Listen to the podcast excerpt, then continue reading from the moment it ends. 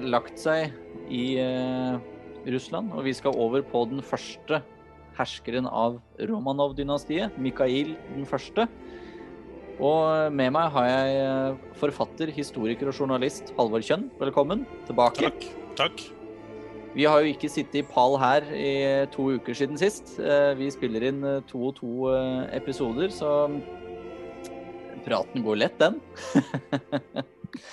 så da er vi da over på Mikael den første. Og han eh, blir da født i eh, 1596 som eh, sønn av Fjodor Nikitic Romanov og Senja Ivanovna Sjestova. Og eh, dette er jo ikke en, eh, en ukjent familie i de russiske herskerkretser på, på den tiden. Nei, på ingen måte. Dette var jo det aller øverste aristokratiet. Eh, Romanov-familien sto eh, tsarfamilien veldig nært. Grandtante til Mikael hun eh, var første kone til Ivan den grusomme, eh, Anastasia. Eh, og sånn at dette eh, Romanov-familien var en familie som var tett innvevd i tsarfamilien. Og som vanlig på den tida, så var det jo en eh, kamp på kniven mellom disse ulike eh, aristokratfamiliene om hvem som skulle stå nærmest tsarfamilien. Eh, Da gjaldt det å få giftet sine kvinner inn i tsarens nærmeste omgivelser, eller aller helst med tsaren. Og så, etter hvert når da det gamle vikingdynastiet, altså slektslinja til Ivan den grusomme, dør ut i 1598, så er jo da spørsmålet hvem skal etterfølge tsaren? Hvem skal bli det nye herskerdynastiet? Og her var det mange som eh, følte seg kallet. Og som vi snakket om forrige gang, eh, man får en 15 år lang periode hvor landene holder på å falle fullstendig fra hverandre. Og så blir denne forvirringens tid, smoten og evremia, som det heter på russisk, den blir eh, avsluttet med valget av eh, Mikhail eh, Romanov til ny tsar, og han blir kronet i juli 1613. For Mikael ble da valgt til tsar i februar 1613, men pga. de store avstandene og at de ikke helt visste hvor han befant seg, så får han jo ikke vite om dette før i slutten av mars. Nei, det tar lang tid. Ja, det blir sendt ut en uh, delegasjon med stormenn, uh, og de uh, legger seg ut på vandring i det russiske vinterlandskapet for å finne Mikael og hans mor, Marfa, som hun da het, for hun var blitt tvangsinnskrevet i et kloster i 1600. Eh, man vet ikke helt hvor de befinner seg. Eh, og de legger ut på leting, og de finner da ut etter hvert at de er i byen Kosama i det nordøstlige Russland. Og der finner de eh, mor og sønn i Ipatjev-klosteret, og legger fram dette tilbudet om at eh, eh, han er valgt til tsar av Russland, og med spørsmål om han vil anta, om han vil godta valget og la seg krone til tsar. Og det godtar han jo til, til slutt, etter å ha blitt bønnfalt, som vi nevnte i forrige episode at det var, var tradisjonen. Til slutt så godtar han det, eh, etter litt eh, om og men. Eh, og så Han er jo en ung mann. Han fyller 17 år dagen etter at han er kronet eh, til tsar. Eh, det som var problemet, var det at faren hans, Filaret, som var blitt sendt i kloster av eh, Boris Godunov, som vi snakket om, eh, han befant seg i fangenskap i Polen. Og i eh, 1618 eh, så kommer da Filaret tilbake til eh, Russland, tilbake til Moskva, fra det polske fangenskapet, og eh, blir eh, patriark for den russiske kirke. Og den, denne Filaret, det, han blir jo en de facto regent på vegne av sin sønn, til tross for at sønnen er i voksen alder fram til Filaret dør i, i, i 1631. Og, men det var vel noen problemer akkurat idet han kom tilbake, grunnet Filarets historie med å gi støtte til noen uheldige bekjentskaper? Ja, altså hele, hele Romanov-familien hadde jo vært i ferd med å blamere seg. Fordi at polakkene hadde jo inntatt Moskva. Og Romanov-klanen eh, hadde gått inn, eller var i ferd med å gå inn på en ordning med polakkene. Eh, og eh, utpeke en polsk prins til hersker i Moskva. Sånn at eh, mange anså jo eh, Romanov-klanen for å være en eh, For å ha stått i ledtog med polakkene. Og dette, dette hang jo på eh, Filaret eh, fortsatt da han kom tilbake fra, eh, fra, det polske fangenskapet.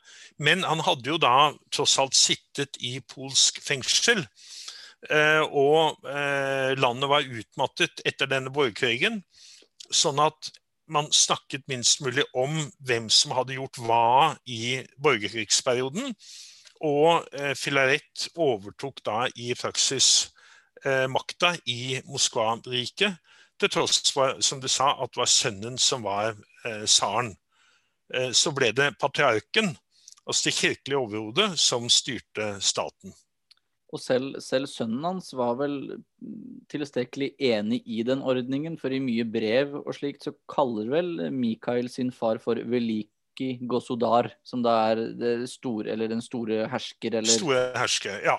Eh, så, så det ble en eh, eh, Formelt sett så var det da et sånn såkalt symfoni et duokrati, at det var patriarken og tsaren som skulle styre sammen.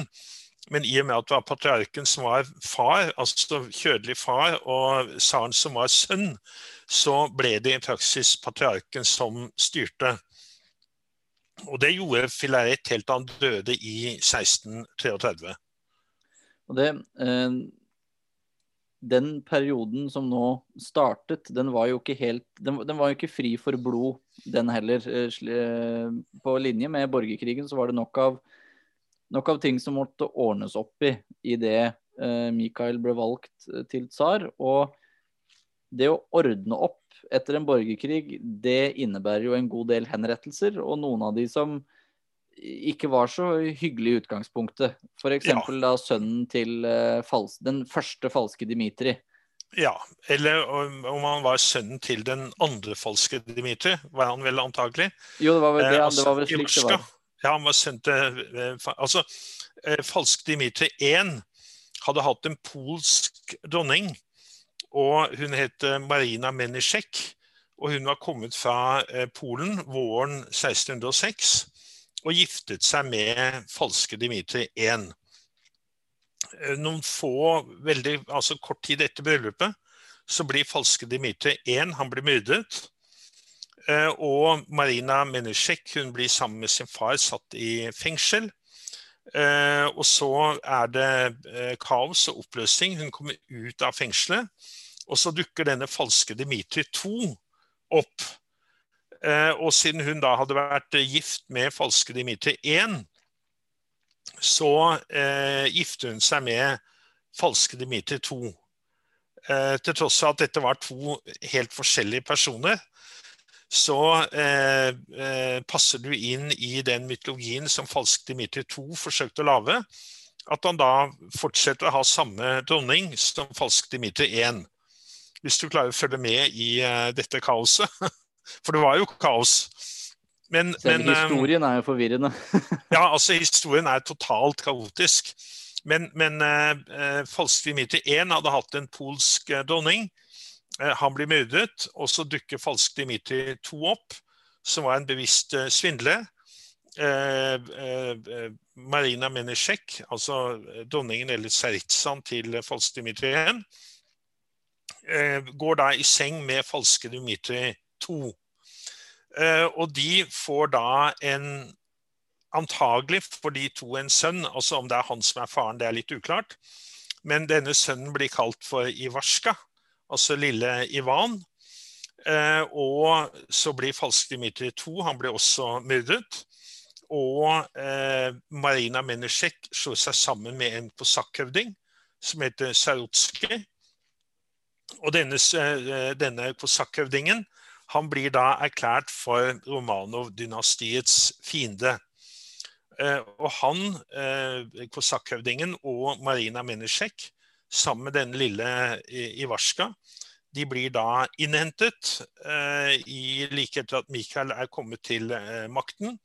Eh, Sarutske han blir selvfølgelig drept på grusomste vis. Han ble vel Marie... radbrekket, ble han ikke det? Jo. jo. Det er ikke nødvendig å gå inn på detaljene. Nei, det, det, får, det får eh, lytterne google hvis de er veldig interessert. Ja, eller man kan, man kan lese boka mi, og der ja, står det. Ja, det òg. Bedre, det er bedre. Der, står det, ja. Men uh, jeg, jeg, avholder meg vanligvis av å snakke om dette i, altså når man skal snakke om det. Ja. Eh, man har litt mer avstand når man leser om det. Det stemmer. Eh, men, men, det som er det spesielle, da, det er det at denne lille Ivarska, altså lille Ivan, som da er tre år gammel, han blir da dømt til døden og hengt. Og det er ganske spesielt. Det er sjelden at man ser det at et eh, regime eh, tar livet av små barn på den måten. Og det, det er jo groteskt selv i datidens øyne. Ja, eh, selv i dag. Man var jo vant til både det ene og det andre, for å si det veldig forsiktig. Men, men det å ta livet av et eh, tre år gammelt barn ved hengning, det var jo, for å si det makabert. Ja, det, Svært makabert. Og samtidig da så reflekterer du da hvor stor eh, hvor stort ønske og hvor nødvendig det var å fjerne all motstand innad i Russland i denne perioden etter forvirringens tid? Ja, altså man måtte I og med at denne Ivarska på en eller annen måte var forbundet med falske Dimitri, både falske Dimitri 1 og falske Dimitri 2, så måtte han fjernes. Eh, og istedenfor da å sende ham til en eller annen bondefamilie og la ham uh, leve på landet, uh, så det, blir det arrangert en offentlig henrettelse. Og det blir til og med hevdet at han ikke ble kvalt av det tauet han ble hengt i, men at han hang i tauet helt til han frøs i hjel. Så dette, dette, er, dette, er, virkelig groteske ting. Men eh, i hvert fall så eh, fjerner man alle sporene etter denne borgerkrigsperioden. Og eh, Mikael han blir etter hvert den eh, eneherskende tsaren. Selv om han eh, Selv om den reelle makta eh, naturligvis lå i hendene til faren hans. Så han er jo, kall det, enehersker i tolv år, da? Fra, 33, fra 1633 til 1645. Ja. Da eh, i, i 33 så dør Filaret, og da er det Mikael som, eh, som hersker. Det som den kanskje mest spesielle episoden eh, i denne, eh, denne, perioden, det er jo krigen mot eh, Polen. Den såkalte Smolensk-krigen fra 1632 til 1634. Man hadde inngått en eh, våpenhvileavtale med polakkene.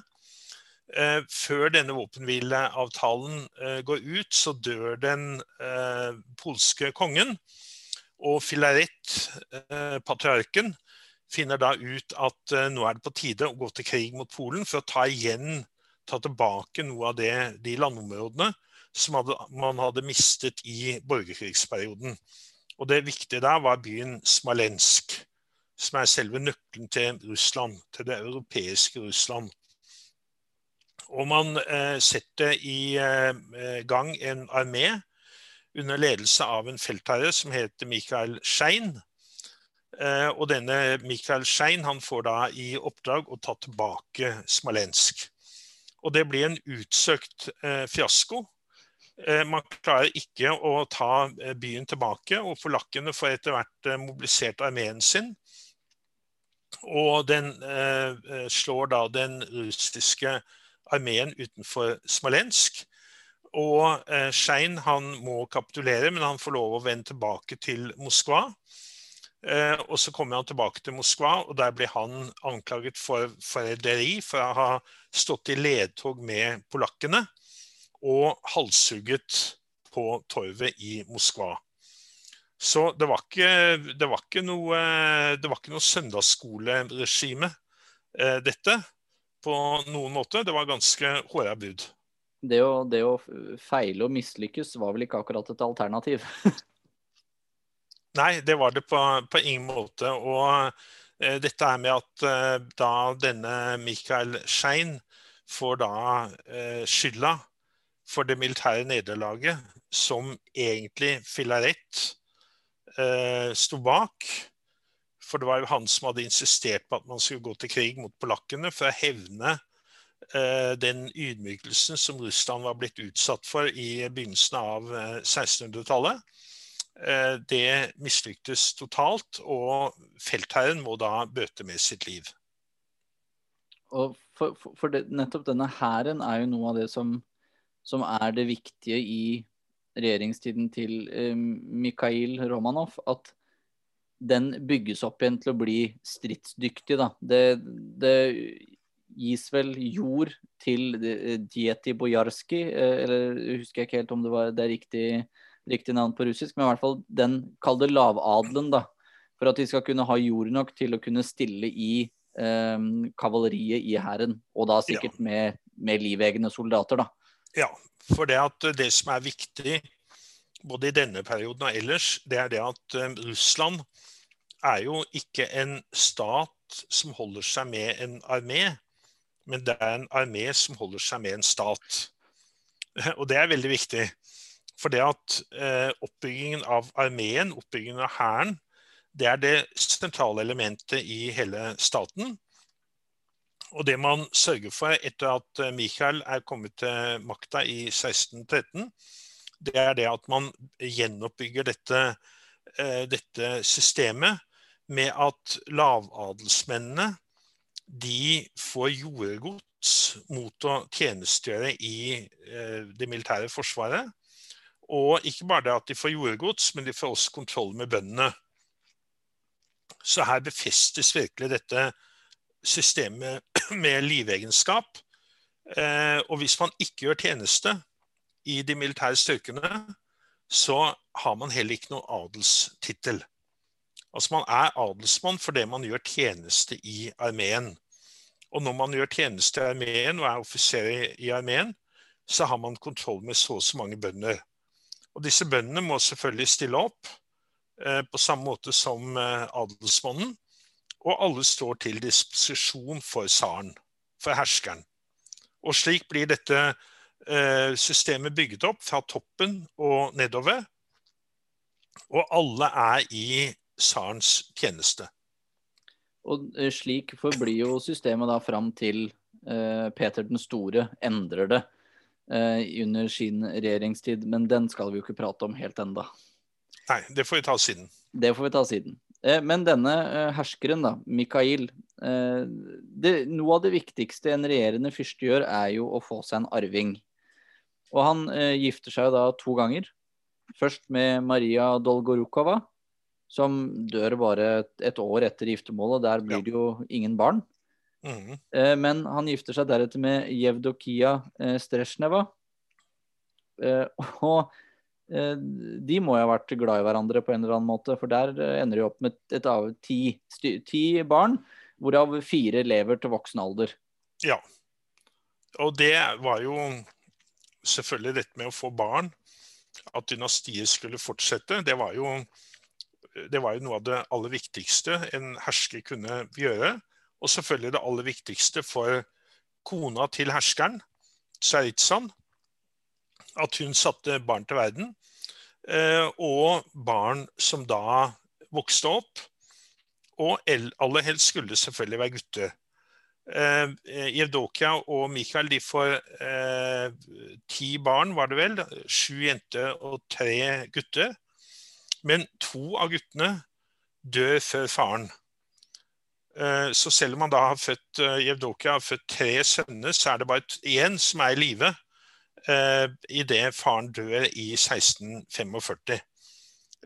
Men det var jo nok med én, og det var da Aleksej, som blir den nye tsaren etter Mikael. Og eh, Aleksej er jo da det nest eldste barnet, og den eldste er da en, en datter. Uh, og den, den, ene av disse barna, det er, uh, husker jeg ikke helt navnet, om det, jeg tror det er Tatjana, som blir født i uh, 1636. Og blir jo da så gammel som 70 år, som man en kan anta som gammelt på den, på den, tiden. Mens far, da Mikael, dør da 23. juli 1645. 49 år gammel.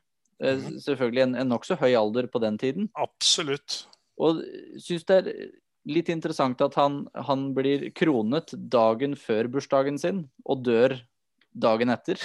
Ja, ja. Det, det er jo en interessant start og slutt mm, på, mm. på, regjeringstiden. Uh, og enda mer interessant er det at Aleksej tar over tronen i nesten samme alder som det sin far gjorde. Ja, og de regjerte jo bortimot like lenge. Mm. Og det eh, Altså, eh, Michael, han eh, sjøl om han da etter våre begrep overhodet ikke ble noen gammel mann, så styrte han jo fra han var eh, 17 år gammel.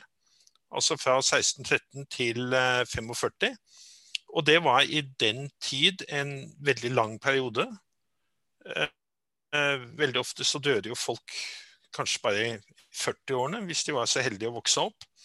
Sånn at både Mikael og Aleksej eh, satt og ledet eller styrte Russland i veldig, veldig lang tid. Og, og det, bidro, det, bidro, til å konsolidere Romanov-dynastiet og gjøre det herskehuset til et legitimt herskehus. For det er nettopp, nettopp det du, du skriver i, eh, i, boken din eh, om det, det russiske imperiet at um, det viktigste uh, Mikhails regjeringstid ga til Russland, var en, en følelse av stabilitet og, kontinu, og uh, kontinuasjon, holdt jeg på å si, kontinuitet. Ja, uh, nettopp det at det gamle vikingdynastiet, etterkommerne etter vikinghøvdingen Roerik, de hadde jo styrt, som jeg sa forrige gang, siden 862. 862. Og eh, russere flest de så det som en selvfølge at det var dynastiet som styrte dem. Så døde det dynastiet ut, og hvem skulle styre dem da? Og det var dette borgerkrigsperioden på begynnelsen av 1600-tallet handlet om. Hvem skulle overta denne, denne kappen, eller, eller eh, kronen, eh, etter eh, vikingdynastiet? Eh, som Ivan den grusomme hadde tilhørt. Eh, og når det ikke var noen til å herske, så ble det kaos. Og så kommer Mikael i, eh, og blir valgt til tsar i 1613 og sitter ved, på tronen helt til 1645. Og Romanov-dynastiet blir da ansett som det legitime herskerhuset. At Romanov-familien får, eh, sånn som datidas mennesker så det, eh, får Guds mandat til å herske over staten. Og det er fundamentet for stabilitet. At når det er en hersker til å styre, så skal han, og det er stort sett i denne perioden kun snakk om han, altså om menn, de skal bli adlydt. Og det er, det er selve, selve bunnplanken for stabilitet i staten. At herskeren blir avlytt. Og da i neste episode, som da skal omhandle tsar Aleksej den første, så vil vi jo da se at han eh, opplever at han ikke blir eh, hørt. Eh, nettopp da med et, et, opprør både av Stenka Razin og da et, et kopps, koppskattopprør. Ja da, eh, men det er en ting jeg gjerne vil legge til, og det er det ja. at det er, en, det er, en, interessant episode. Nemlig da, eh, da, eh, mot slutten av Michaels liv så har Mikael en datter som heter Irina. Og Mikael har da kun én sønn i live, nemlig Aleksej. Og så finner Mikael ut at denne Irina må man forsøke å gifte bort til en habil ektemann. Og Michael kontakter da eh, en vestlig kollega, ikke tilfeldig, altså Christian den 4. av Danmark-Norge, og spør om, eh, om eh, Christian eh, den 4. har en høvelig kandidat som kan gifte seg med datteren hans. Og, eh, eh, og Christian 4. har da en sønn som han har fått sammen med Kirsten Munch. Eh, som han da, altså Hun var en lavadelig kvinne, så hun var ikke dronning, men de to var gift. Såkalte venstre hånd, som det het. Og han har da en sønn, eh, prins Valdemar, med Kirsten Munch. Og Valdemar han drar til Russland med sikte på å gifte seg med Irina. Eh, og allting ser veldig bra ut. Og det, alt lå til, eh, lå til, rette for at det ble en dynastisk forbindelse mellom oldenburgerne, som hersket over Danmark og Norge, og romanovene. Eh, så skjer det at Mikael han krever da at prins Valdemar må konvertere til den ortodokse troen. Og det nekter Valdemar. og hele ekteskapsarrangementet går i vasken. Eh, men eh, Og det blir litt eh, ugreie mellom oldenburgerne og romanovene. Men, og det er egentlig veldig synd, for det at hvis dette arrangementet hadde gått i orden, så hadde det blitt en enda tettere forbindelse mellom herskerne i Danmark-Norge og romanovene. Eh, nå ble jo forholdet mellom de to dynastiene ganske tett eh, utover både på 16 eh, og 17, og for ikke å snakke om 1800-tallet. Men det kunne blitt enda tettere enn det det var, og det avspeiler også det gode forholdet som romanovene alltid hadde til herskerne i Danmark og Norge. Og grunnen var jo helt klar, nemlig at Danmark-Norge lå på motsatt side av Sverige. For Sverige var fienden. Min fiendes fiende er min ja, venn. Ja. Og det, det, er noe som kommer til å, å kjennetegne den uh, russiske historien, nemlig dette her med eh, motsetningsforhold til eh, Sverige. Og vennskapet mellom til Danmark, og da automatisk også Norge. Og med det så kan man jo bare begynne å glede seg til de neste episodene om de russiske herskerne av dynastiet Romanov. Og med det så vil jeg bare si takk igjen for enda en eh, episode, Halvor. Og så vil jeg si til dere lyttere at uh, dere får høre mer om et par ukers tid. Vi lyttes.